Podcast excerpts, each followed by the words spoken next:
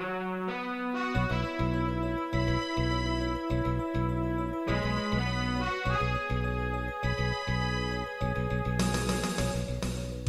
listening to Radio Free Asia.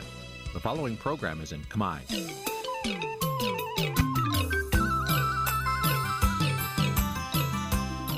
នេះជាកម្មវិធីផ្សាយ Vuthu Azizi Serai នេះជាកម្មវិធីផ្សាយរបស់ Vuthu Azizi Serai ជា ភាសាខ្មែរ Vuthu Azizi Serai សូមស្វាគមន៍លោកអ្នកនាងទាំងអស់ពីរដ្ឋធានី Washington នៃសហរដ្ឋអាមេរិកបាទផ្សាយផ្ទាល់ពីរដ្ឋធានី Washington ខ្ញុំបាទជួនច័ន្ទបុតស៊ូមជម្រាបសួរលោកអ្នកនាងកញ្ញានិងប្រិយមិត្តទាំងអស់ជាទីមេត្រី បាទយើងខ្ញុំសូមជូនកម្មវិធីផ្សាយសម្រាប់រាត្រីថ្ងៃអង្គារ9កើតខែផលគុណឆ្នាំខាលចត្វាស័កពុទ្ធសករាជ2566 ដែលត្រូវនៅថ្ងៃទី28ខែកុម្ភៈគ្រិស្តសករាជ2023បាទជាដំបូងនេះសូមអញ្ជើញលោកអ្នកនាងស្ដាប់ព័ត៌មានប្រចាំថ្ងៃដែលមានមេតិការដូចតទៅ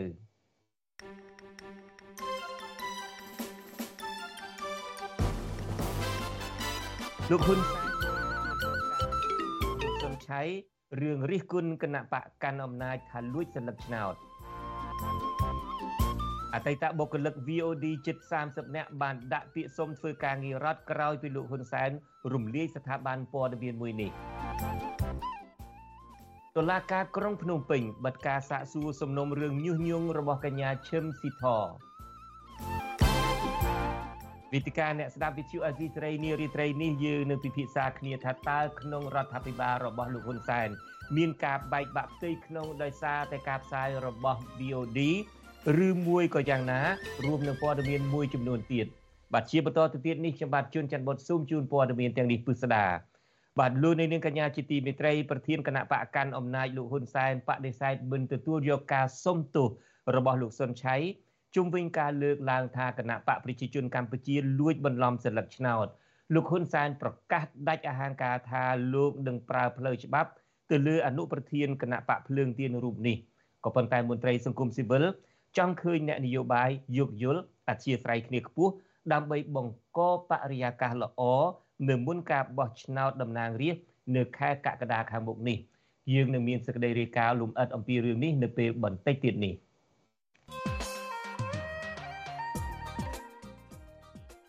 បាទលោកនាងកញ្ញាជាទីមេត្រីលោកហ៊ុនសែនលើកហេតុផលពីការដែលលោកបិទវិទ្យុ VOD ថាមកពីវិទ្យុនេះផ្សាយព័ត៌មានមួយ ដែលធ្វើឲ្យមានការបែកបាក់ផ្ទៃក្នុងរបស់រដ្ឋាភិបាលសក្តីរាយការណ៍របស់វិទ្យុ VOD ដែលលោកហ៊ុនសែនចោទថាជាដើមចមនោះ បានផ្សាយថាលោកហ៊ុនម៉ាណែតបានចុះហត្ថលេខាជំនួសរដ្ឋាភិបាលលើប្រាក់ជំនួយទៅដល់ប្រទេសទូគីបើផ្ទៃក្នុងនៃរដ្ឋាភិបាលលោកហ៊ុនសែនធ្លាប់តែអះអាងថារឹងមាំណាស់នោះតើការផ្សាយរបស់វិទ្យុ VOD មួយនេះអាចធ្វើឲ្យបាញ់បាក់បានដែរឬយ៉ាងណាឬមួយមកពីផ្ទៃក្នុងរបស់លោកហ៊ុនសែនភ័យស្រួយស្រាប់ មានអ្វីទៅប៉ះតែបន្តិចក៏បែកបាក់នោះក្នុងនីតិវេទិកាអ្នកស្ដាប់វិទ្យុអាស៊ីសេរីនាពេលបន្តិចទៀតនេះយើងនឹងមានកិច្ចពិភាក្សាអំពីរឿងនេះដោយមានការចូលរួមពីវាគ្មិនពីររូបគឺលោកសំរងស៊ីនិងប្រដេជគុណបុត្រប៊ុនតេងបាទសូមអញ្ជើញលោកអ្នកនាងរងចាំស្ដាប់នីតិវេទិកាវិទ្យុអាស៊ីសេរីដែលនឹងចាប់ផ្ដើមនាពេលបន្តិចទៀតនេះ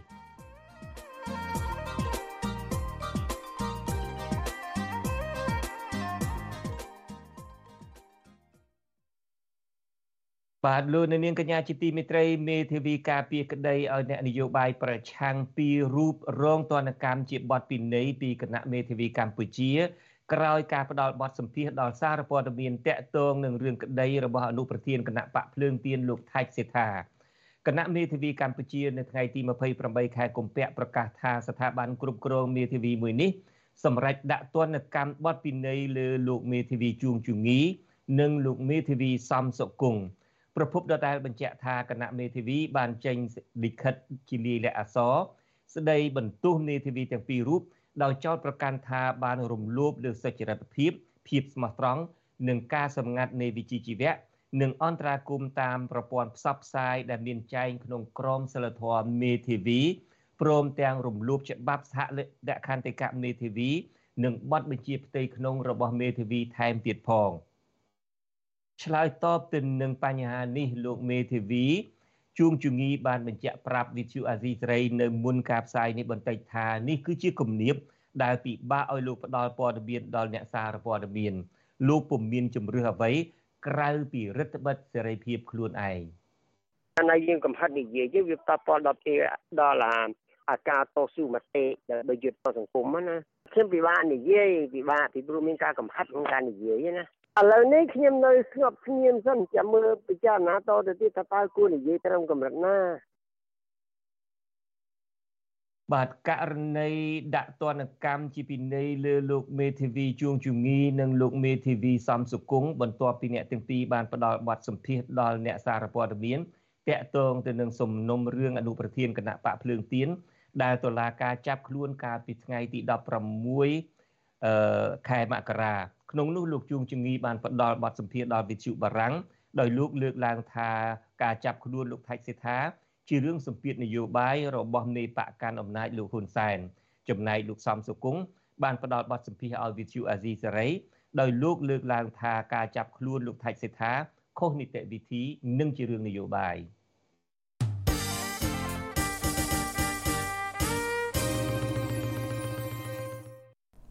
ចាស់ជំរាបសួរលោកអ្នកនាងជាទីមេត្រីចាស់ជួបជាមួយនាងខ្ញុំសុជីវីចាស់យើងមកស្វែងយល់អំពីការបោះឆ្នោតបន្តទៅទៀត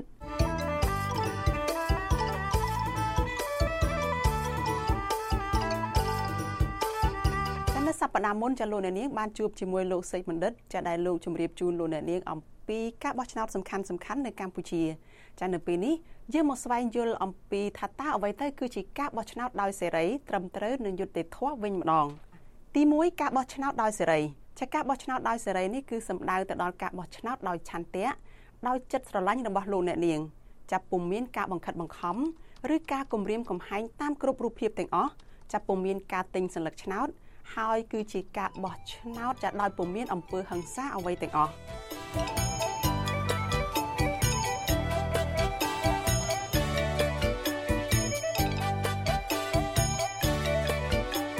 ចាជាមួយគ្នានេះលោកអ្នកនាងដែលជាម្ចាស់ឆ្នោតចាលោកអ្នកនាងមានសេរីភាពពេញលេញនៅក្នុងការទទួលបានព័ត៌មានអំពីការបោះឆ្នោតចាហើយលោកអ្នកនាងក៏មានសេរីភាពនៅក្នុងការជជែកការដេញដោលពិភាក្សាអំពីបេក្ខជនដែលចូលឈ្មោះបោះឆ្នោតនិងគណៈបកដែលចូលឈ្មោះបោះឆ្នោតនោះដោយសេរីថែមទៀតចាចំពោះគណៈបកនយោបាយដែលចូលរួមការបោះឆ្នោតវិញ ក៏មានសិទ្ធិនៅក្នុងការជួបប្រជុំដោយសេរីហើយអាចប្រើប្រាស់ចាសារព័ត៌មានឬក៏ប្រព័ន្ធផ្សព្វផ្សាយនឹងបានដោយសេរីនិងមានតម្លាភាពចាទី2គឺការបោះឆ្នោតដោយត្រឹមត្រូវនិងយុត្តិធម៌នោះសំដៅទៅដល់ការរក្សាបាននៅការសម្ងាត់របស់សញ្ញាឆ្នោតចាគឺជាការបោះឆ្នោតដែលគ្មានការទិញសញ្ញាឆ្នោតចាគ្មានការលួចបន្លំសញ្ញាឆ្នោតគ្មានការលួចដូរសញ្ញាឆ្នោត ហើយក៏គ្មានការបន្លំលទ្ធផលឆ្នោតដែរចាស់ជាមួយគ្នានេះគោជបដែលជាគណៈកម្មាធិការជាតិរៀបចំការបោះឆ្នោតនោះគឺត្រូវបំពេញតួនាទីរបស់ខ្លួនដោយឯករាជ្យចាស់អព្យាក្រឹតត្រឹមត្រូវសច្ចៈនិងយុត្តិធម៌ចាសសូមលោកអ្នករងចាំតាមដានការស្វែងយល់ពីការបោះឆ្នោតនេះជាបន្តទៅទៀតដែលយើងនឹងលើកយកប្រធានបទផ្សេងផ្សេងទៀតមកជម្រាបជូនលោកអ្នកចាសសូមអរគុណនិងសូមជម្រាបលា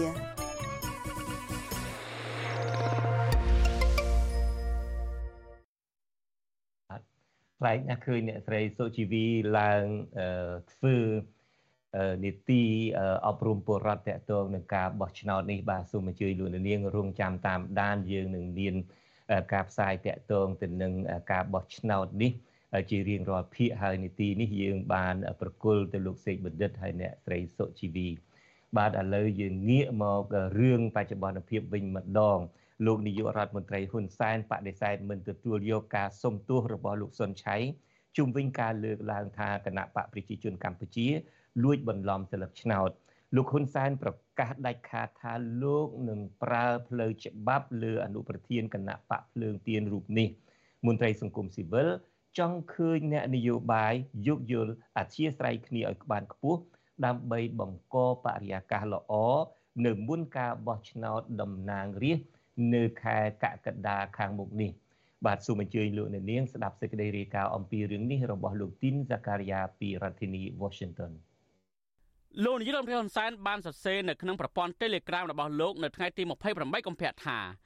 លោកមិនទទួលយកការសំទោសរបស់លោកសុនឆៃអនុប្រធានគណៈបកភ្លឹងទៀននោះទេលោកហ៊ុនសែនបានលើកហេតុផលថាលោកចង់បញ្ចប់បបធរច្រំដាលពាក់ព័ន្ធនឹងការសំទោសការលេបពណ៌លើរូបលោកនិងគណបករបស់លោក មេដឹកនាំគណបកកៅអំណាចរំនេះបញ្ជាក់ដាច់ខាតថាលោកនឹងប្រើវិធានការតាមផ្លូវច្បាប់ចាត់ការទៅលើអ្នកគាំទ្រលោកសំរងស៊ីនិងបុគ្គលដទៃទៀតដែលនិយាយប៉ះពាល់ដល់លោកនិងគណៈបកកណ្ដាលអំណាចដើម្បីឲ្យពួកគេរៀងចាលអ្នកនាំពាក្យគណៈបកភ្លើងទៀនលោកកឹមសុភិរិទ្ធលើកឡើងថាបើទោះបីជាក្បាលម៉ាស៊ីនមេដឹកនាំគណៈបកភ្លើងទៀនកំពុងតែជាប់បណ្ដឹង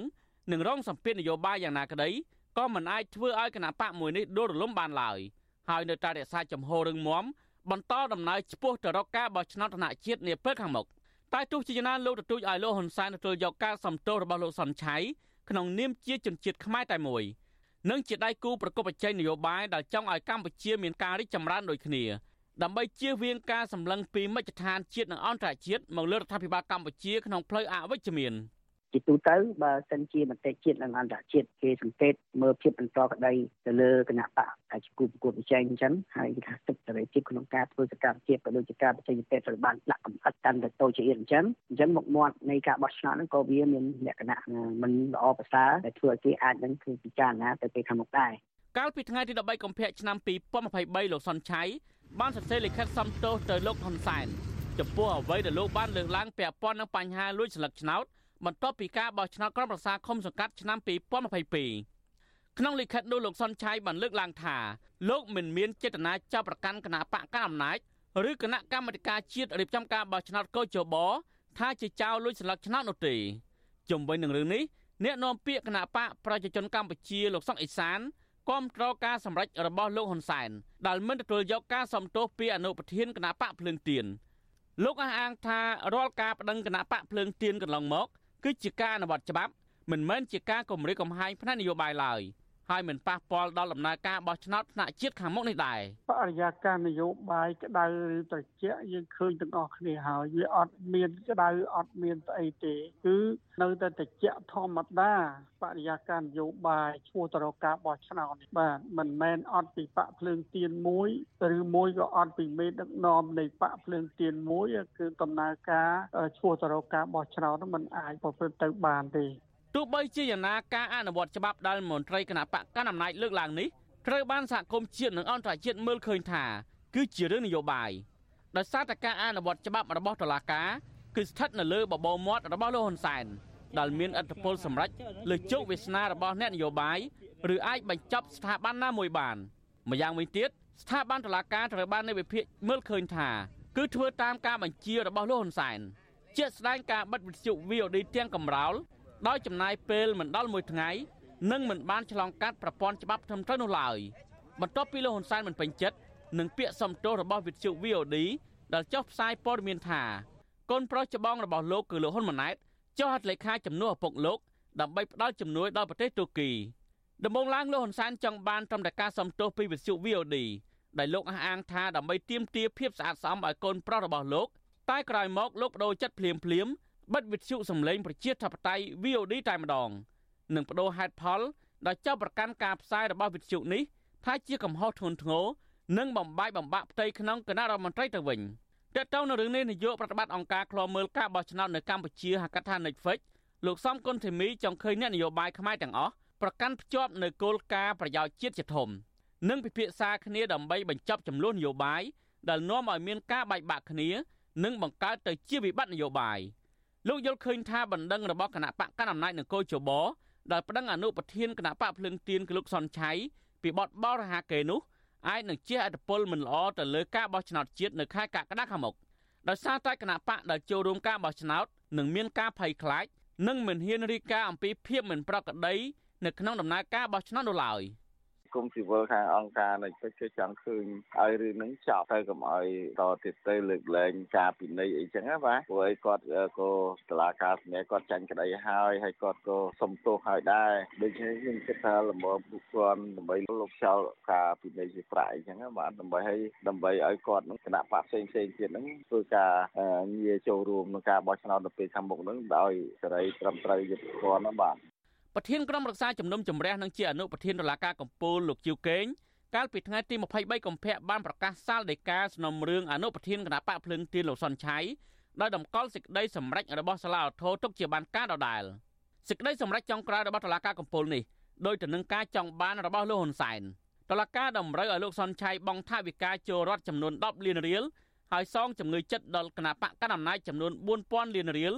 ឬស្មើនឹង1លានដុល្លារអាមេរិក និងសងជំងឺចិត្តទៅកាន់កោជបចំនួន10លានរៀលទៀតតើតើនឹងបញ្ហានេះអ្នកតាមដានស្ថានភាពនយោបាយសង្កេតឃើញថា ជារៀងរាល់អាណត្តិនៅមុនពេលបោះឆ្នោតឈានមកដល់លោកហ៊ុនសែនតែងតែបើកយុទ្ធនាការដើម្បីបង្ក្រាបសម្លេងប្រឆាំងដោយប្រើប្រាស់ប្រព័ន្ធតុលាការដែលស្ថិតនៅក្រោមការគ្រប់គ្រងរបស់លោកនិងជួនកាលអាចឈានទៅដល់ការប្រើប្រាស់ដំបងតែម្ដងពួកគេយល់ថាវិបត្តិនយោបាយនៅកម្ពុជាពិបាកនឹងរកការចរចានិងការរួបរวมគ្នារវាងអ្នកនយោបាយ ដោយសារតែថ្នាក់ដឹកនាំគណៈបកកណ្ដាលអំណាចតែងតែប្រកាន់ចំហដោយយកប្រយោជន៍បកនិងបកគលជាធំ ជាជាងប្រយោជន៍ជាតិខ្ញុំទីនសាការីយ៉ាអស៊ីសេរីប្រធានីវ៉ាស៊ីនតោន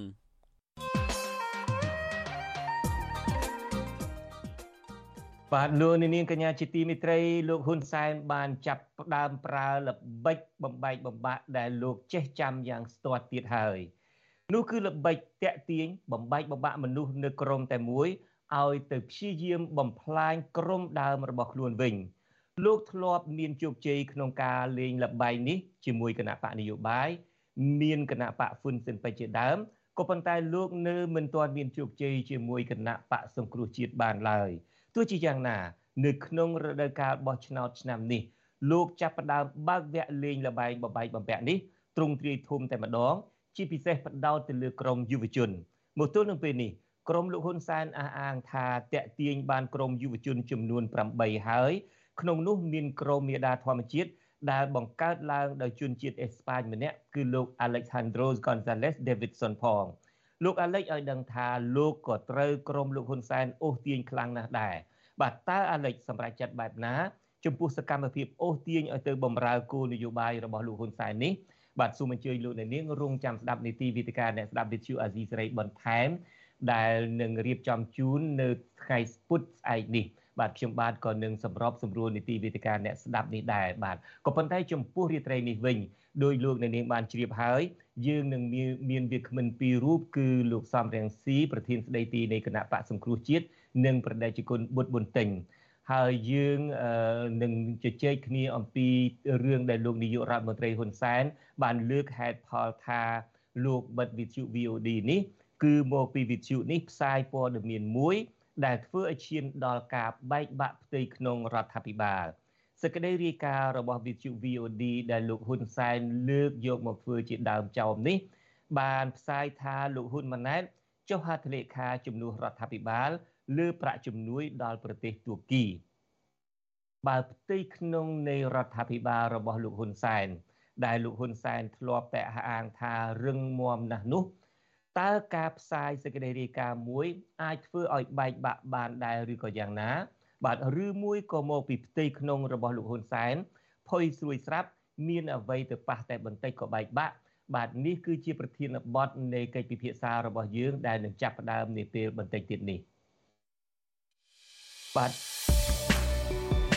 កម្មវិធី Vithu Azizi ស្រីសម្រាប់ទូរស័ព្ទដៃអាចឲ្យលោកអ្នកនាងអានអត្ថបទ ទស្សនាវីដេអូនិងស្ដាប់ការផ្សាយផ្ទាល់ដោយឥតគិតថ្លៃនិងដោយគ្មានការរំខានដើម្បីអាននិងទស្សនាមេតិការថ្មីថ្មីពី Vithu Azisari លោកអ្នកនាងគ្រាន់តែចុចបាល់កម្មវិធីរបស់ Vithu Azisari ដែលបានដំឡើងរួចរាល់លើទូរស័ព្ទដៃរបស់លោកអ្នកនាង ប្រសិនបើលោកអ្នកនាងចង់ស្ដាប់ការផ្សាយផ្ទាល់ឬការផ្សាយចាស់ចាស់សូមចុចលើប៊ូតុងរូបវិទ្យុដែលស្ថិតនៅផ្នែកខាងក្រោមនៃកម្មវិធីជាការស្រេច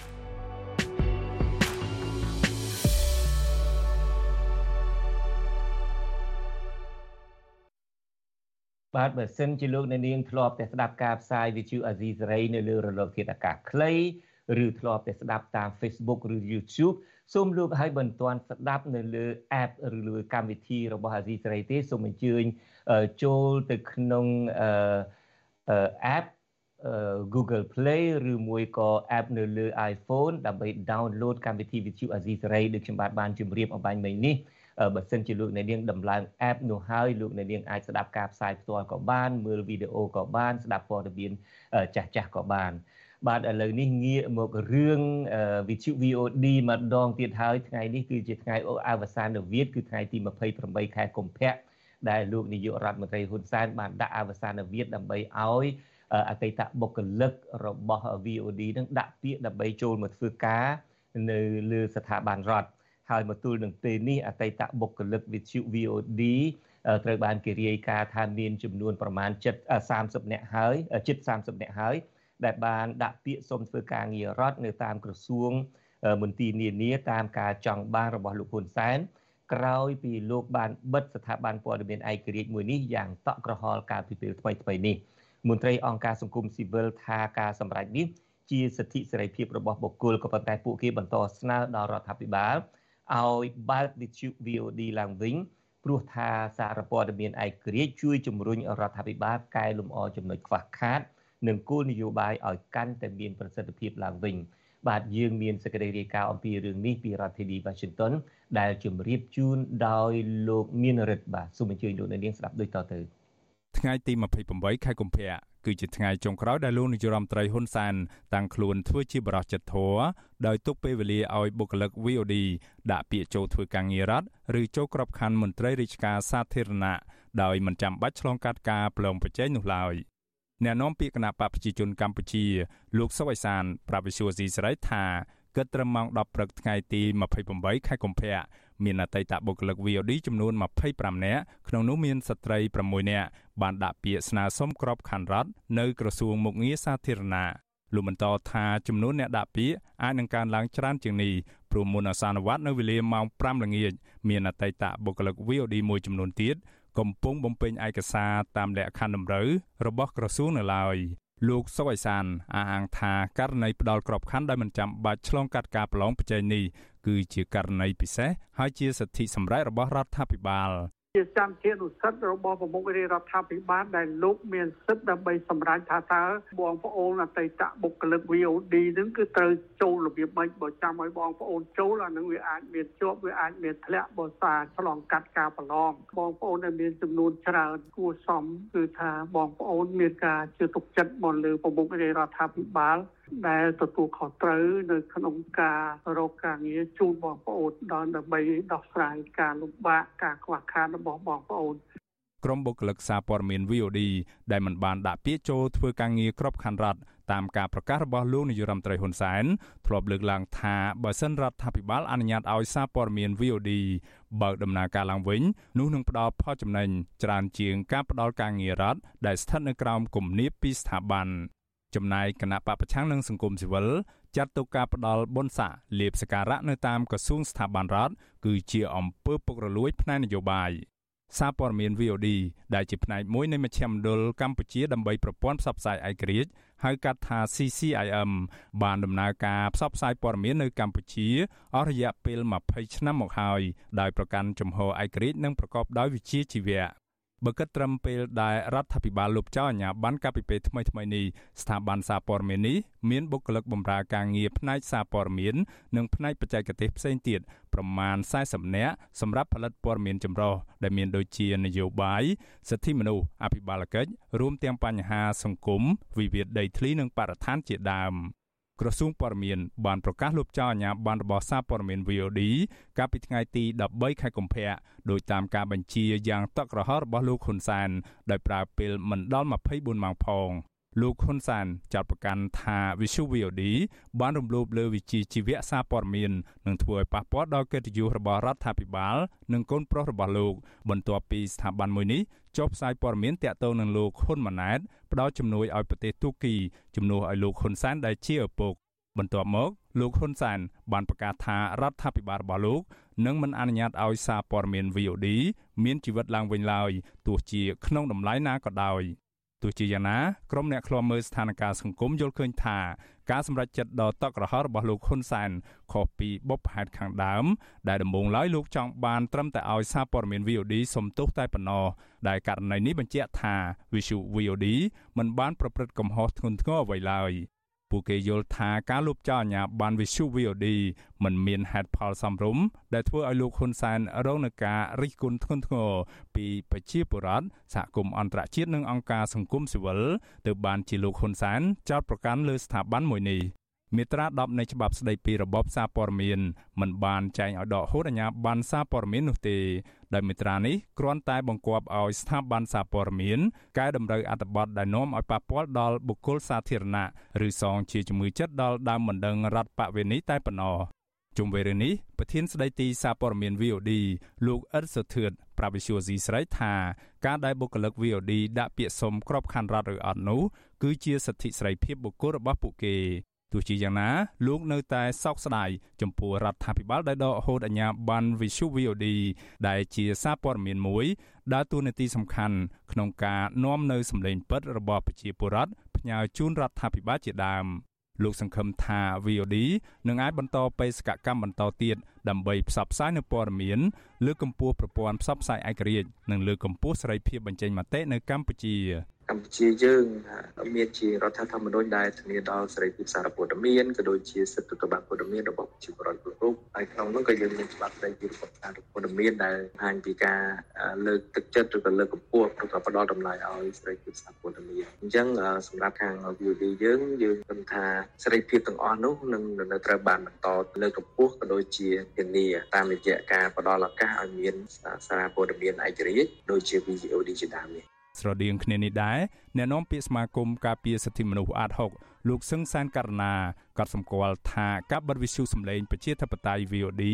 ធ្វើឡើងដោយមិនប្រក្រតីនិងមិនបានអនុវត្តត្រឹមត្រូវតាមច្បាប់ស្តីពីរបបសារព័ត៌មាននៅកម្ពុជានោះទេលោករំលឹកថាសិទ្ធិសេរីភាពសារព័ត៌មានដែលនិយាយការពិត និងរក្សាជំហរឯករាជ្យគឺមានសារៈសំខាន់នៅក្នុងសង្គមប្រជាធិបតេយ្យលោកសឹងសានករណាអំពាវនាវដល់រដ្ឋាភិបាល គួរបើកឡើងវិញនៅលំហសេរីភាពសារព័ត៌មានហើយអនុញ្ញាតឲ្យវិទ្យុ VOD អាចដំណើរការឡើងវិញបានចំណុចដែលយើងចង់បានគឺมันខុសពីការស្នើឡើងពីអង្គការដៃគូដែលយើងបានចេញនូវសេចក្តីថ្លែងការណ៍រួមទាំងពីសហគមន៍អន្តរជាតិទេគឺយើងចង់ឃើញធ្វើយ៉ាងណា បើកនៅលំហឲ្យសេរីភាពសារព័ត៌មាននេះឲ្យបានល្អប្រសើរឡើងវិញហើយបើសិនជាអាចធ្វើបាន គឺឲ្យមានការបើកនៅ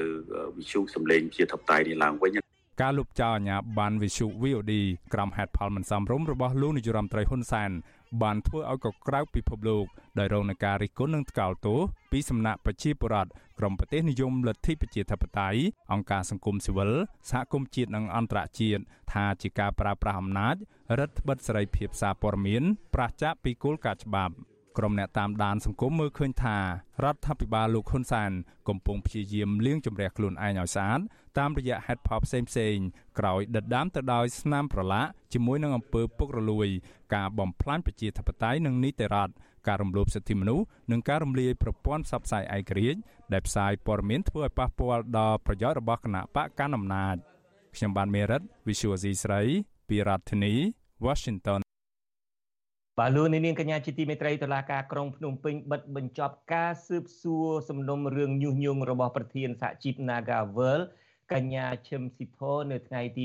28ខែកុម្ភៈឆ្នាំ2023នេះតំណាងគឧតកក្រុមហ៊ុនបនលបៃ Nagavel ចាត់ទុកការចោទប្រកាន់តាមផ្លូវតុលាការនេះ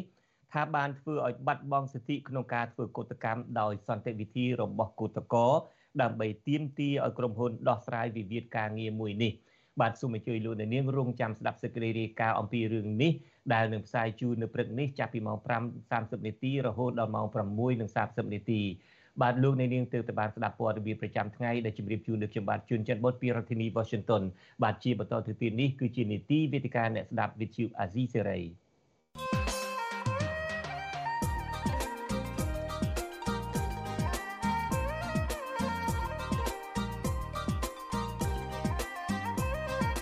វេទិកាអ្នកស្ដាប់វិទ្យុអា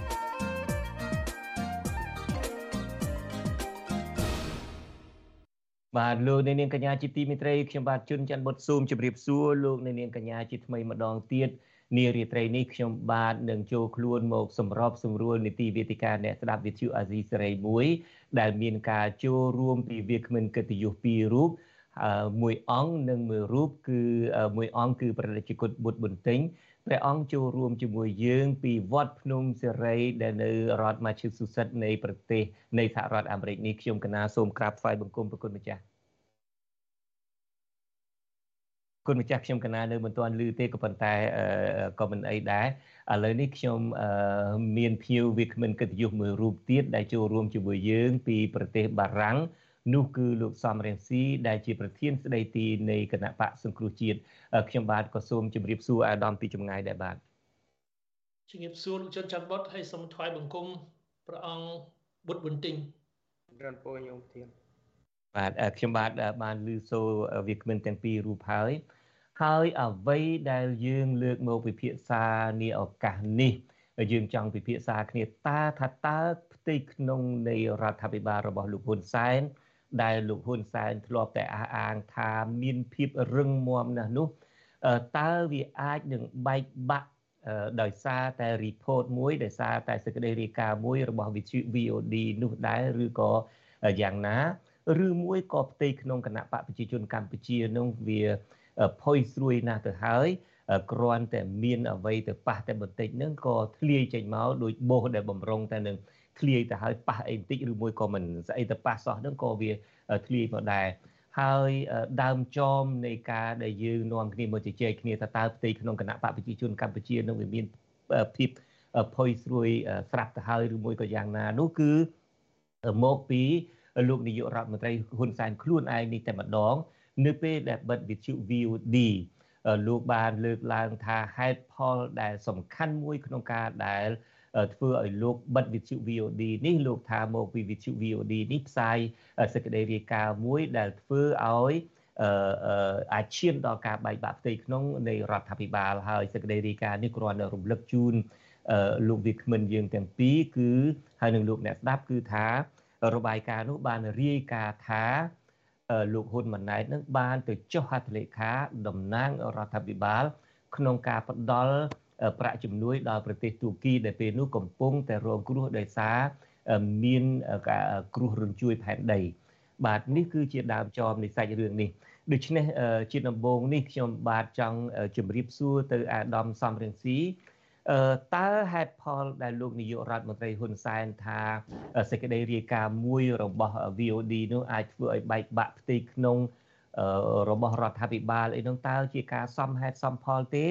ឬមួយគ្រាន់តែយកលេសនឹងដើម្បីវិតបិទ VOD ឬមួយក៏ផ្ទៃក្នុងនឹងមានការប្រេះស្រាំមានការបែកបាក់ផ្ទៃក្នុងមែនដែលធ្វើឲ្យលោកនាយករដ្ឋមន្ត្រីហ៊ុនសែនហាក់ដូចជាល្អើខ្នងម្លេះនោះបាទសូមអញ្ជើញអាដាមសំរងស៊ីបាទជាបឋមយើងត្រូវយល់ឲ្យច្បាស់ថាលោកហ៊ុនសែនគាត់ចង់បិទវិទ្យុ VOD សម្លេងប្រជាធិបតេយ្យនេះ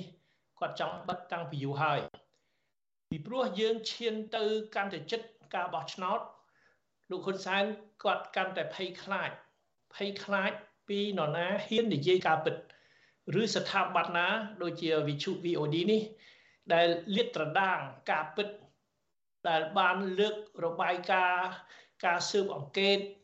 ពីបញ្ហាសង្គមពីបញ្ហាជាតិបញ្ហាអំពើពុករលួយបញ្ហាកាប់ព្រៃឈើលក្ខនឹងលក្ខយកមកនិយាយ និយាយការពិតអំណាចផ្ដាច់ការជនផ្ដាច់ការខ្លាចបំផុត គឺខ្លាចការពិតនេះអញ្ចឹងហើយបានគាត់ត្រូវតែរកលេសណាមួយ ដើម្បីបិទវិទ្យុសម្លេងប្រជាធិបតេយ្យ VOD នេះឲ្យតាន់តែបានអានឹងយើងមិនអាចបកកែកបានទេគឺគាត់កំពុងតែរឹតបន្តឹងហើយគាត់នឹងរឹតបន្តឹងជាបន្តបន្តទៀតកាន់តែខ្លាំងឡើងខ្លាំងឡើង ចំពោះសិទ្ធិសេរីភាពនៃការសម្ដែងមតិហើយនីតិវិធីនេះក៏ខុសឆ្គងមែនទែនពីព្រោះបើមានស្ថាប័នដូចជាវិជុទូរទស្សន៍អឺកាសែតនិយាយអ្វីដែលយើងឬរដ្ឋអំណាចចាត់ទុកថាมันត្រឹមត្រូវយើងគ្រាន់តែធ្វើឲ្យមានឲ្យស្ថាប័ននោះធ្វើការកែតម្រូវទៅ នៅស្រុកគេដទៃទៀត ដែលមានសិទ្ធិសម្ដែងមតិនិយាយខុសនិយាយត្រូវតែបើយើងអបប្រមាថាយើងនិយាយខុសអ្នកដែលប៉ះពាល់នោះគេគ្រាន់តែស្នើឲ្យយើងកែតម្រូវទៅវាចប់ហើយវាបញ្ចប់រឿងតែប៉ុណ្្នឹងចប់ហើយតែចម្លែកមែនតើតែលោកហ៊ុនសែនយករឿងនេះជាលេសដើម្បីបិទវិទ្យុសម្លេងប្រជាធិបតេយ្យហើយខ្ញុំសូមរំលឹកករណីមួយទៀតកាលពីឆ្នាំ2003 2004 ខ្ញុំក៏បាននិយាយដោយលោកសុនឆៃអញ្ចឹងខ្ញុំថាគណៈបកប្រជាជនកម្ពុជាលួចស្លឹកឆ្នោតតាមរយៈកោជបគឺលួចស្លឹកឆ្នោតលួចស្លឹកឆ្នោតនឹងគឺប្លន់អំណាចពីរាជពីព្រោះយើងបំភ្លៃលទ្ធផលនៃការបោះឆ្នោត គឺរាជអត់ចង់ឲ្យយើងដឹកនាំប្រទេសសោះតែយើងនៅតែកាន់អំណាចកាន់តំណែងដដែលអាហ្នឹងហៅថាប្លន់អំណាចពីរាជពេលនោះលោកហ៊ុនសែនគាត់ប្រតិកម្មយ៉ាងម៉េច គាត់បបួលខ្ញុំទៅស្បត់តាមមកឯកឧត្តមសុករាំងស៊ីយើងទៅស្បត់ជាមួយគ្នាព្រះអង្គដង្កោលអីណាថាបើខ្ញុំលួចស្លឹកឆ្នោតមែនហ៊ុនសែនគាត់ថាបើហ៊ុនសែនលួចស្លឹកឆ្នោតមែនឲ្យគាត់ស្អីស្អីអញ្ចឹងទៅហើយបើគាត់បើគាត់មិនបានលួចស្លឹកឆ្នោតទេថាឲ្យខ្ញុំស្អីស្អីស្អីអញ្ចឹងទៅតែខ្ញុំថាហ៊ុនសែនឯងរឹកពីចរិតដូចកូនក្មេងមានតែអ្នកលេង អ្នកលេងអ្នកជលមន់មនុស្សបាត់ផ្សាររឿងអីដែលខ្វែងគំនិតគ្នាបបួលគ្នាទៅស្បត់ចាំបាច់ទៅស្បត់អីធ្វើដល់ជានាយករដ្ឋមន្ត្រីហើយរាប់ស្លឹកឆ្នោតឡើងវិញទៅរាប់ស្លឹកឆ្នោតឡើងវិញទៅយើងដឹងសោខ្មៅដឹងថាមានលួចឬមួយមិនលួចតែគាត់អត់ហ៊ានរាប់ស្លឹកឆ្នោតឡើងវិញទេបើរាប់ស្លឹកឆ្នោតឡើងវិញគាត់នឹងដឹងថាការពិតអញ្ចឹងបើគាត់ប្រមូលខ្ញុំទៅស្បត់ដល់ខ្ញុំប្រតិកម្មអញ្ចឹងគាត់ដូចខ្មាស់គេ ប៉ុន្តែអត់ហ៊ានប្តឹងខ្ញុំទេពីរឿងបរិហាគេនេះអត់ហ៊ានប្តឹងទេស្រាប់តែរឿងលោកសុនឆៃក្រោយនេះលោកសុនឆៃនិយាយដូចខ្ញុំនិយាយទៅសើសើជាងខ្ញុំទៀតស្រាប់តែប្តឹងលោកសុនឆៃថាបរិហាគេអញ្ចឹងខ្ញុំសូមធ្វើការប្រៀបធៀបមួយទៀតរវាងតឡាការសុកខ្មែរដែលជាតឡាការអាយ៉ងក្រមបញ្ជាលោកហ៊ុនសែនហើយតឡាការបារាំងនៅប្រទេសបារាំងដែលជាតឡាការឯករាជ្យ ខ្ញុំនិយាយរឿងអីមួយលោកហ៊ុនសែនថាខ្ញុំបរិហាគេគាត់អញ្ចឹងគាត់ប្តឹងខ្ញុំនៅចំពោះមុខ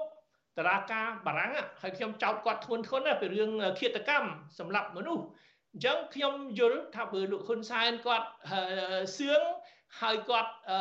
ជឿជាក់ថាគាត់អាចភូតផលគេបានទៀតភូតផលនៅស្រុកខ្មែរបានហើយភូតផលនៅស្រុកប្រាំងក៏បានដែរអញ្ចឹងបើគាត់មកប្តឹងខ្ញុំនៅស្រុកបារាំងតែប្តឹងចាញ់ប្តឹងចាញ់ ពីព្រោះនៅស្រុកបារាំងគេលើកដំកើងសិទ្ធិសម្ដែងមតិអញ្ចឹងហើយបានហ៊ុនសែនទាជំងឺចិត្តពីខ្ញុំណាបើខ្ញុំគេទទួលស្គាល់ហើយតឡាការផ្ដំទាទោសថាខ្ញុំបរិហាគេខ្ញុំនឹងត្រូវគេតម្រូវឲ្យបង់ឲ្យលោកហ៊ុនសែន1អឺរ៉ូ1អឺរ៉ូគឺស្មើ1ដុល្លារហ៊ុនសែនទាពីខ្ញុំ1ដុល្លារទាមិនទាំងបានផងពីព្រោះនៅចំពោះមុខតឡាការឯករាជ្យតែនៅស្រុកខ្មែររឿងបរិហាគេដូចគ្នា តឡាការអាយ៉ងហ៊ុនសែនឲ្យលោកសុនឆៃបង់1លានដុល្លារទាពីខ្ញុំ1ដុល្លារទាមិនទាំងបានផងទៅទា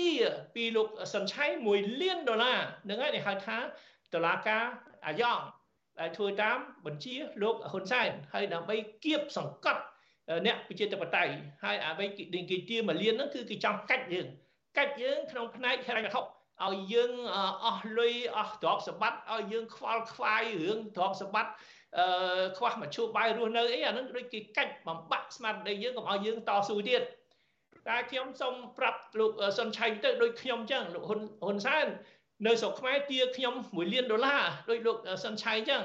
ចាំបានតឡាការរឹបអូសផ្ទះខ្ញុំយកទៅលក់ឡាយឡុងខ្ញុំថាខ្ញុំអត់ខ្វល់ទេទ្រព្យសម្បត្តិប៉ុណ្ណឹងខ្ញុំអត់ខ្វល់ទេផ្ទុយទៅវិញខ្ញុំសប្បាយចិត្ត ពីព្រោះខ្ញុំអស់មានចំណងបើខ្ញុំមានទ្រព្យសម្បត្តិហ៊ុនសែនគៀបសង្កត់គម្រាមកំហែងអស់អីអានឹងខ្ញុំប្រហែលនៅតាក់ទើអីវាមានចំណងដូចយើងជាអ្នកកាន់ពុទ្ធសាសនាបើយើងអត់មានចំណងយើងមានសេរីភាពឥឡូវខ្ញុំអត់មានចំណងអីទាំងអស់នៅនៅស្រុកខ្មែរហ៊ុនសែនយកទ្រព្យសម្បត្តិខ្ញុំអស់ហើយខ្ញុំអត់ខ្វល់ទេតែខ្ញុំមានសេរីភាពខ្ញុំមានភាពថ្លៃថ្នូរ អញ្ចឹងហើយបានខ្ញុំលើកចំណុចនេះឲ្យឃើញថាហ៊ុនសែនគាត់លេងសើចទេគាត់ដើរលៀបពណ៌គេគាត់រកលេសដើម្បីបិទវិជុ VOD ពីព្រោះវិជុហ្នឹងហ៊ាននិយាយការពិតដែលប៉ះពាល់ដល់ផលប្រយោជន៍គាត់នឹងជាការកត់សម្គាល់ទី1តែគាត់យកលេសអាលេសហ្នឹងក៏ក៏បង្ហាញពីអ្វីមួយដែរមិនមែនលេសធម្មតាទេថា VOD និយាយហ្នឹងប៉ះពាល់ដល់ ភាពរឹងមាំនៃគណៈបកប្រជាជនឲ្យបង្ហាញថាគណៈបកប្រជាជនបែកបាក់គ្នាហើយសូម្បីតែរដ្ឋាភិបាលក៏បែកបាក់គ្នាដែរគ្រាន់តែគ្រាន់តែ VOD ណាលើកពីរឿងអីផ្ញើលុយចុះហត្ថលេខាទៅជួយប្រទេសទួរគីអីហ៊ុនម៉ាណែតចុះហត្ថលេខាជំនួសរដ្ឋាភិបាល ខ្ញុំដូចខ្ញុំនិយាយមិញបើរឿងនឹងវាខុសកែតម្រូវទៅថាមិនមែនហ៊ុនម៉ាណែតអ្នកចុះហត្ថលេខាទេអ្នកម្នាក់ទៀតទេហ៊ុនសែនខ្លួនឯងទេអ្នកចុះហត្ថលេខាតែអត់ទេពីគេលើករឿងហ្នឹងគេយកជាលេសប្រហែលវាមានស្អីខ្លះដែរក្នុងហ្នឹងពីព្រោះខ្ញុំជឿថានៅក្នុងជួរគណៈបកប្រជាជន គេមិនសប្បាយចិត្តគេថាលោកហ៊ុនម៉ាណែតអីក៏លឿនម៉េះឪមិនទាន់តែងតាំងជានាយករដ្ឋមន្ត្រីផងនឹង រឿងអីក៏លឿនម៉េះរឿងអីក៏ចង់សញ្ញេកាត់មុខឪជំនួសឪមិនមិនរងចាំខ្លួនឯងឪតែងតាំងឥឡូវកំពុងតែតោងជើងខោឪបន្តិចទៀតហ្នឹងចង់ឡើងតាមជើងខោឪចាំឡើងដល់ចកេះសិនទៅសុំសុំធ្វើអីខ្លួនឯងបានឥឡូវកំពុងតែតោងជើងខោឪទេកុំអាលហ៊ានចុះហត្ថលេខាជំនួសឪហ្នឹង ខ្ញុំជឿថារឿងហ្នឹងវាមានអញ្ចឹងមែនខ្លះអញ្ចឹងហើយបានហ៊ុនសែនគាត់ដូចជារសើបរឿងហ្នឹងអ្នកណាដែលនិយាយអីដែលប៉ះពាល់អាចធ្វើឲ្យហ៊ុនម៉ាណែតពិបាកឡើងមកកាន់តំណែងជំនួសហ៊ុនសែនហ៊ុនសែនត្រូវតែប្រតិកម្មរបៀបហ្នឹងប៉ុន្តែម្ដងទៀតអានឹងជាលេសទេដើម្បីបិទវិជុសម្លេងប្រជាធិបតេយ្យបាទអរគុណអាដាមតែបានបកស្រាយហើយថែមទាំងប្រៀបធៀបអំពីករណីរបស់ បរិហាគេរបស់អាដាមហើយនឹងករណីបរិហាគេរបស់លោកសុនឆៃផងដែរជាសង្ខេបឡើងវិញអាដាមសំរងស៊ីមានប្រសាសន៍មកពីថាការដែលចោទថាវិទ្យុ VOD ផ្សាយសេចក្តីរាយការណ៍នឹងធ្វើឲ្យបែកបាក់ផ្ទៃក្នុងនឹងគឺអាចត្រូវដែរក៏ប៉ុន្តែក៏អាចមានរឿងថាលោកនាយករដ្ឋមន្ត្រីហ៊ុនសែនចាំតែរកឱកាសដើម្បីបិទវិទ្យុ VOD នឹងស្រាប់ខ្លួនឯងតែម្ដង បាទចុះប្រតិជនគុណវិញតើប្រតិជនគុណមានការយល់បែបណាដែរចំពោះការលើកឡើងរបស់លោកនាយករដ្ឋមន្ត្រីហ៊ុនសែនថាការបិទវិទ្យុ VOD នេះហេតុផលជាចម្បងគឺមកពីវិទ្យុនេះធ្វើសេចក្តីរាយការណ៍មួយ ដែលធ្វើឲ្យអាចធ្វើឲ្យឈានដល់ការបែកបាក់ផ្ទៃក្នុងរបស់រដ្ឋាភិបាលរបស់លោកដូចខ្ញុំបាទបានចោទជាសំណួរតើផ្ទៃក្នុងរបស់រដ្ឋាភិបាលដែលលោកហ៊ុនសែន តែងតែអះអាងថារឿងមមណាស់នោះតើកូន report មួយរបស់ VOD នឹងអាចធ្វើឲ្យបែកបាក់ឬមួយក៏វាមានការប្រេះស្រាំក្នុងនឹងរួចទៅហើយសូមរដ្ឋាភិបាលប្រគុណម្ចាស់ជំនាន់ពោញោមប្រធានស្ដីទីញោមជនច័ន្ទបុតអ្នកសម្របសម្រួលនិងអ្នកទេសនាការផ្សាយផ្ទាល់របស់អាស៊ីសេរីនៅពេលនេះចំណុចនេះឃើញមានការលើកឡើងច្រើនពីអ្នកប្រើប្រាស់បណ្ដាញសង្គម Facebook ទោះជាមនុស្សសាមញ្ញធម្មតាក៏មានការពន្យល់ ល្អព្រោះស្ដាប់ជាងអ្វីដែលរដ្ឋាភិបាលរបស់លោកហ៊ុនសែនបានពន្យល់ណាពូបើយើងមើលពាក្យរឹងមាំនិងពាក្យនីតិរដ្ឋពាក្យនីតិរដ្ឋគឺនៅលើមិត្តគ្រូសាហ៊ុនសែនតែមួយមិនមិត្តរដ្ឋបរិទ្ធខ្មែរណាមិត្តមិត្តគ្រូសាហ៊ុនសែនបើមិត្តគ្រូសាហ៊ុនសែនយើងមើលករណីអាថ្មីពីថ្ងៃពីថ្ងៃនេះគឺរឿងសัตว์កងក្មួយហ៊ុនសែនស្នើសុំទៅរដ្ឋមន្ត្រីយប់ឡើងហ៊ុនសែនយប់មិញហ៊ុនសែនបញ្ជាឲ្យយកសัตว์កងទៅវិញឃើញទេ តឡាការហើយច្បាប់នេះណាហើយបើមិត្តបរិទ្ធខ្មែរអ្នកប្រើប្រាស់ Facebook និយាយទៅចំអកឡក់លើយមកដាក់ប្រជាបរិទ្ធខ្មែរវិញអញ្ចឹងនៅក្នុងសង្គមខ្មែរយើងអ្វីដែលហ៊ុនសែននិយាយថានីតិរដ្ឋគឺមិត្តគិតតដែលដល់អ្វីដែលហ៊ុនសែននិយាយថារឹងមមរឹងមមនៅនឹងមិត្តហ្នឹងចុះបើមិត្តនិយាយថារឹងមមគ្រាន់តែ VOD ផ្សាយតាមវិជ្ជាជីវៈដែលមានគេហៅ quotation សម្រងសម្ដីពីមន្ត្រីជាន់ខ្ពស់រដ្ឋាភិបាល ក្នុងប្រព័ន្ធពុទ្ធមានញោមជនច័ន្ទបុតក៏ជ្រាបស្រាប់ហើយកាលណាគេមានសម្រងសម្ដីមានប្រភពគេផ្សាយបានអត់មានខុសវិជ្ជាជីវៈអីគេទេប៉ុន្តែដោយសារហ៊ុនសែនរឹងតែមឹកហ្នឹងដែលភ័យទៅបិទ VOD ហើយការប្រៀបធៀបចំណុចមួយទៀតដែលអាត្មាមើលឃើញភាពរឹងរបស់ហ៊ុនសែនខុសពីរឿងអឺទស្សនវិជ្ជាជាក់ស្ដែងគឺយើងឃើញការប្រៀបធៀបរវាងរឹងបែបថ្មហើយរឹងបែបដែកបើរឹងបែបថ្មគេយកញូវៃបែក តែរឹងបែបដែកទោះជាវៃក៏ដែកយ៉ាងច្រើនក៏ពិតតែវាអត់បែកទេ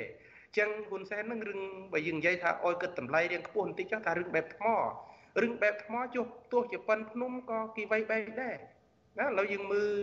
ក្រមគ្រូសាហ៊ុនសែនវៃថ្មនៅអឺខេត្តកពតនៅខេត្តបៃលិនសងៃវាលលាយថ្មអស់ទៅហើយអញ្ចឹងយើងប្រៀបធៀបហេតុអីបានអាត្មាប្រៀបធៀបបែបថ្មគឺគេធ្វើឲ្យលលាយបានដូចជា ថ្មនៅភ្នំបាធាយតាមផ្លូវផ្លូវជាតិលេខ5ឆ្ពោះទៅផ្លូវជាតិលេខ6ឆ្ពោះទៅគេកំពុងចាំឃើញដែលលាយអស់អលីអញ្ចឹងក្នុងសង្គមហ៊ុនសែនដែលប្រាប់ថា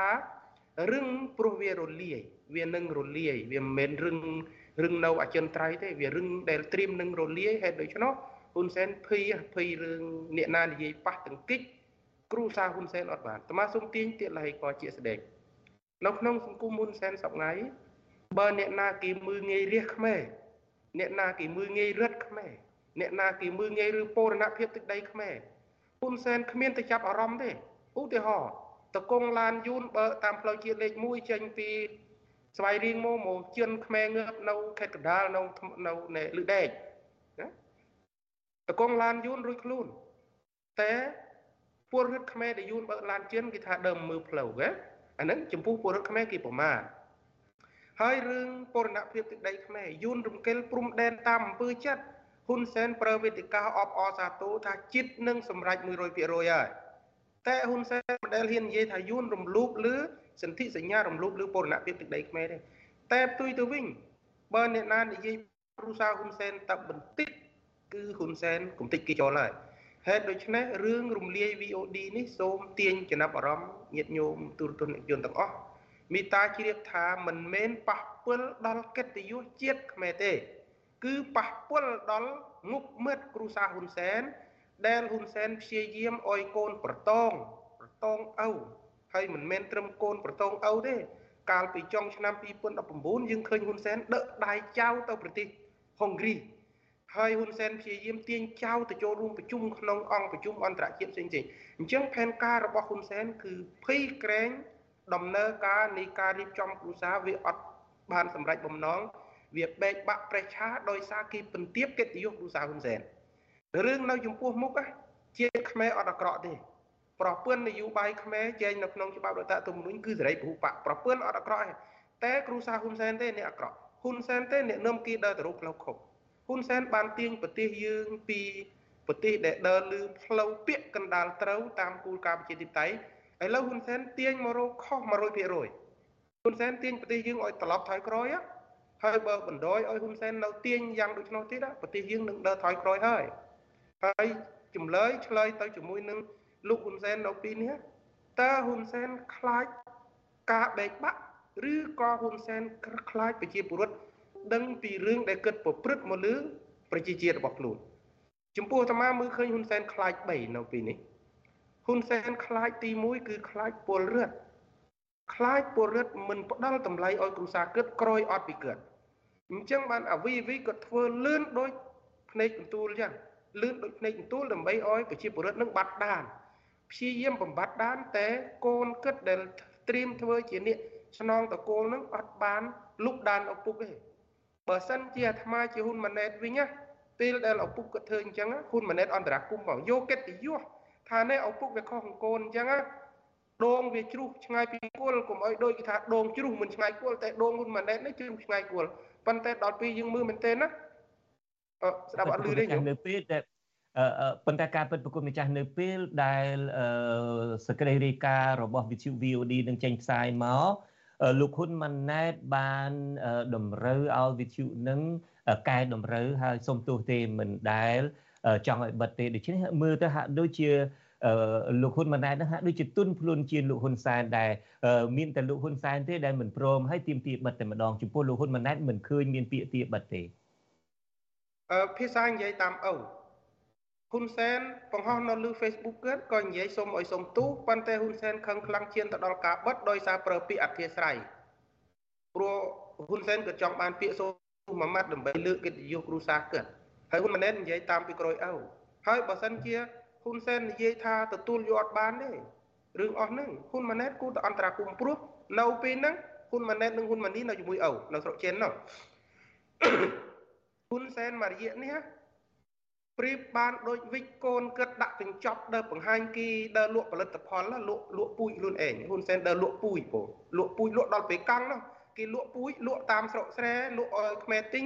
ដល់ហ៊ុនសែននេះលក់ពូជដល់ពេលកាំងពោលក់ពូជហ្នឹងគឺវិចហ៊ុនម៉ានីហិចវិចហ៊ុនម៉ាណែតដាក់កប៉ាល់ទៅដាក់កប៉ាល់ទៅលក់ហ្នឹងដល់តែម៉ោងដែលត្រៀមរំលាយ VOD បើសិនជាអាត្មាជាហ៊ុនសែនវិញអត់ដាក់រូបកូនទាំង3សន្ទីមនឹងឪទេតើមើលភាពហ្នឹងជាស្ដែងបង្ហោះរំលាយ VOD តែដាក់កូនទាំង3ស្មើនឹងសំអុយអា3នាក់នឹងចោលណាផលិតផលមកកញ្ចប់នឹងគឺស្អុយពីពេលកាំងមកពុំមិនមិនស្អុយនៅភ្នំពេញទេស្អុយពីពេលកាំងមកម្លេះប៉ុន្តែទាញចំណាប់អារម្មណ៍ទៅវិញ បើសិនជាហ៊ុនម៉ាណីនិងហ៊ុនម៉ាណែតជាអ្នកត្រៀមស្នងត្រកូលអុយប្រសើរដើម្បីទាញយកការគ្រប់គ្រងពីប្រជាពលរដ្ឋបានកុំឲ្យប្រជាពលរដ្ឋខ្មែរដកតម្លៃគ្រួសារនឹងចូលណាហ៊ានសម្រេចចិត្តធ្វើរឿងត្រូវត្រូវឲ្យបានច្រើន បើឪពុកគាត់មានជំងឺបើតាមការបកស្រាយរបស់លោកសន្តារាថាហ៊ុនសែនសាហាវសាហាវព្រីផ្សៃអាសាហាវព្រីផ្សៃនោះជាជំងឺមួយហ៎ពូមិនមែនជារឿងធម្មតាទេ អ្នកដែលកើតជំងឺសាហាវគឺចេះសម្រាប់គេកើតចឹងហ៊ុនសែនមានជំងឺមួយគឺជំងឺសាហាវជំងឺសាហាវនេះមិនមែនហ៊ុនសែនឈឺអេងអេងទេជំងឺសាហាវនេះគឺហ៊ុនសែនរៀនឈឺរៀនឈឺគឺរៀនពីមនោគមផ្ដាច់ការរៀនពីហាណូយមកយើងមើលពេលដែលរបបប៉ុលពតកើតឡើងណាហ៊ុនសែនគិតទៅរៀនជំងឺហ្នឹងគឺគិតឆ្លងដែនទៅស្រុកយួនដើម្បីរៀនរបបរៀនអាជំងឺហ្នឹងមកហើយអាលទ្ធិ គុំនេះផ្ដាច់ការណាល្មមគ្រប់គ្រងល្មមរៀងហើយអ្នកណាដែលទទួលយកលទ្ធិហ្នឹងអ្នកនោះឈឺហើយគឺឈឺចង់សម្លាប់គេអោយតាមីដឹកនាំផ្ដាច់ការយើងទាញមើលមីដឹកនាំផ្ដាច់ការពិភពលោកមានជំងឺចង់សម្លាប់គេហើយភាសាមួយទៀតគេថាជំងឺចង់ខ្លាំងតែឯងឬជំងឺទូឯងអញ្ចឹងហ៊ុនសែនព្រិចផ្សៃនេះអាត្មាចាត់ទុកជាជំងឺពោអរគុណប្រគុណម្ចាស់បើសិនជាលោកហ៊ុនសែនមានជំងឺព្រៃផ្សៃឬមួយកាចសាហាវមិនមែនជាទូទៅជំងឺ អាចមានថ្នាំព្យាបាលទេលើកលែងតែអាព្រៃផ្សៃហ្នឹងវានៅក្នុងឈាមនឹងតែម្ដងអាហ្នឹងបានពិបាកដូចឈាមប៉ុន្តែយ៉ាងណាក៏ដោយចុះយើងមានអ្នកភ្ជាប់អ្នកហៅចូលមកម្នាក់បានហើយគឺលោករតនាមិនដឹងលោកឬលោកស្រីទេគេបោះព្រីយងមកឲ្យខ្ញុំដាក់តរតនាសូមទោសបើសិនជាស្រីបាទសូមជើញលោកឬលោកស្រីរតនាបាទបាទជំរាបសួរលោកជុនច័ន្ទបុតព្រមទាំងលោក សំរងស៊ីក៏ដូចជាគុណម្ចាស់បុត្របន្ទិញកណាសូមក្រាបថ្វាយបង្គំពីចម្ងាយព្រះអង្គអើយនៅកណាក្នុងតើទៅនឹងក្នុងការបិទ VOD នេះផងដែរកណាមានចំណាប់អារម្មណ៍បន្តិចក្នុងការបញ្ចេញមតិយោបល់ហើយសំទ្របយើងមើលទៅឃើញនៅចំណុចធំធំ3យ៉ាងរបស់ លោកនាយករដ្ឋមន្ត្រីហ៊ុនសែនទី1ដោយគុណម្ចាស់មានធរណិកាដំបូងមិនអញ្ចឹងគឺខ្លាចប្រជាពលរដ្ឋក៏ឃើញច្បាស់នៅទង្វើរបស់គាត់ដោយសារកន្លងមកនឹងក្រមយុវជនពួកយើងខ្ញុំនឹងបានធ្វើការតវ៉ារឿងដប៉ាតម៉ងវិសាវៀតណាមនៅកម្ពុជាក៏ដូចជាការចេញបានស្នាក់នៅអចិន្ត្រៃយ៍ដល់ជនអន្តរប្រវេសន៍វៀតណាម ហើយលោកហ៊ុនសែនក៏បានបង្កើតនៅអាបណ្ដឹងដែលឆ្នាំ2016រហូតដល់មានការចាប់យុវជនម្នាក់ឈ្មោះ Thailand ហ្នឹងវាទៅដាក់នៅពន្ធនាគារខេត្តកណ្ដាលហើយក្រោយក្រោយមកទៀតក្រុមយុវជនមិនទាន់បានបោះបង់ចោលទេនៅការតវ៉ាដើម្បីឲ្យបញ្ឈប់ក៏ដូចជាការលុបចោលតែម្ដងធ្វើនារីក៏នៅច្បាប់នេះចោល មិនអោយបង្កើតនៅ Department ភាសាវៀតណាមគេបានចោទប្រកាន់មកក្រមយុវជននឹងថារើសអើងជាតិសាសន៍ជាតិពិតដោយក្រមយុវជនយើងធ្វើទៅនេះវាគ្រាន់តែជាការស្រឡាញ់ប្រទេសជាតិហើយយើងបានទាញនៅអាប្រវត្តិសាស្ត្រឈឺចាប់កន្លងមកវាដិតដាមនៅក្នុងអារម្មណ៍ក្រមយុវជនយើងចំនួនក្រោយហ្នឹងតអញ្ចឹងហើយមានតែសារព័ត៌មាន VOD ទីដែលគាត់ចោះយកគ្រប់ កលៈទេសៈនិងគ្រប់ទីកន្លែងទាំងប្រជាពលរដ្ឋដែលរងគ្រោះដោយសារដីធ្លីក៏ VOD ចុះយកព័ត៌មានស្ដែងស្ដែងចំណុចនេះឯងដែលធ្វើឲ្យលោកនាយករដ្ឋមន្ត្រីហ៊ុនសែនមានអារម្មណ៍ថាដូចជាថាមានជំងឺទៅចុះប៉ុន្តែគាត់បានតាំងចិត្តរួចហើយគាត់ថាត្រូវតែដាច់ឬគល់អ្នក អឺសារព័ត៌មានឯករាជ្យឬក៏សារព័ត៌មានដែលចុះអត់ទាល់អញ្ចឹងដើម្បីកុំឲ្យដឹងកុំឲ្យប្រជាពលរដ្ឋនឹងបានដឹងនៅហេតុការណ៍ផ្សេងផ្សេងឬក៏ជាចំណុចខ្វះខាតរបស់គាត់ក្រោមការដឹកនាំរបស់គាត់នឹងចំណុចហ្នឹងអញ្ចឹងគាត់ត្រូវបិទ VOD ចំណុចទី2អ្វីដែលគាត់តាំងចិត្តធ្វើអ្វីដែលគាត់តាំងចិត្តធ្វើមិនត្រឹមតែជាជំងឺទេប៉ុន្តែ ជាគំនិតរបស់គាត់គាត់ថាធ្វើយ៉ាងណាក៏ដោយទោះបីមានការលើកលែងមានការសុំទោសឬក៏ការអធិស្ឋានក៏ដោយក៏គាត់នៅតែមិនអនុគ្រោះឲ្យចដាច់ខាតព្រោះគាត់តាំងចិត្តធ្វើអញ្ចឹងហើយប៉ុន្តែអ្វីដែលគាត់និយាយមកនោះគ្រាន់តែជាការល្អស្ដាប់ឬក៏ប្រជាពិធដើ ម្បីបំផន់ភ្នែកប្រជាពលរដ្ឋដែលគេចូលចូលលោករតនាចូលលោករតនាដែលហៅថាពេលវេលាខ្លីខ្ញុំបាទសូមសួរលោករតនាទៅវិញចុះលោកបានលើកហេតុផល2ហើយទី1គឺថាលោកខ្លាចព័ត៌មានឯករាជ្យទី2ទៀតគឺមកពីលោកតាំងចិត្តចុះអ្វីដែលលោកនាយករដ្ឋមន្ត្រីលោកហ៊ុនសែនលើកឡើងថាសេចក្តីរាយការណ៍របស់ VOD នេះអាចធ្វើឲ្យបែកបាក់ផ្ទៃក្នុងនឹងលោកគិតថាអាចមានការបែកបាក់ផ្ទៃក្នុងនឹងដោយលោកបានលើកឡើងដែរទេលោករតនា នេះវាជាចំណុចមួយដែរប្រសិនមកជា VOD នៅតែលៀតតដាងឲ្យប្រជាពលរដ្ឋទូទាំងប្រទេសឃើញបានន័យថាស្មើនឹងការហែកផ្ទៃក្នុងរបស់គណៈបកប្រជាជនកម្ពុជាឲ្យប្រជាពលរដ្ឋនឹងឃើញពីភាពខ្វះខាតឬក៏ចំណុចខ្សោយឬក៏ចំណុចខ្វះចន្លោះក្នុងការដឹកនាំរបស់គាត់ហ្នឹងធ្វើឲ្យអចលនក្នុងការដឹកនាំហ្នឹងបែកបាក់ផ្ទៃក្នុងបាននេះជា ជាចលកមួយសម្រាប់តែគាត់ត្រូវតែផ្ដាច់នៅសារព័ត៌មានឯករាជ្យហ្នឹងអញ្ចឹងបើគាត់ទុកតទៅទៀតគាត់អាចជាចោទទៅ VOD ហ្នឹងថា មានការបដិវត្តពណ៌ហើយមានការញុះញង់ហើយមានការរើសអើងជាតិសាសន៍ផ្សេងផ្សេងឬក៏មានការអឺបង្កើតនៅភាពបបោអសន្តិសុខឬក៏ខូចសណ្ដាប់ធ្នាប់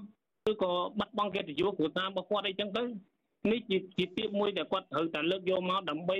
បំពាក់បំពន់ទៅលើអឺចំណុចខ្សោយរបស់ VOD ហ្នឹងដើម្បីជាកំហុសមួយឲ្យកាន់តែធ្ងន់និងរំលាយអានេះអភិអក្សិតរបស់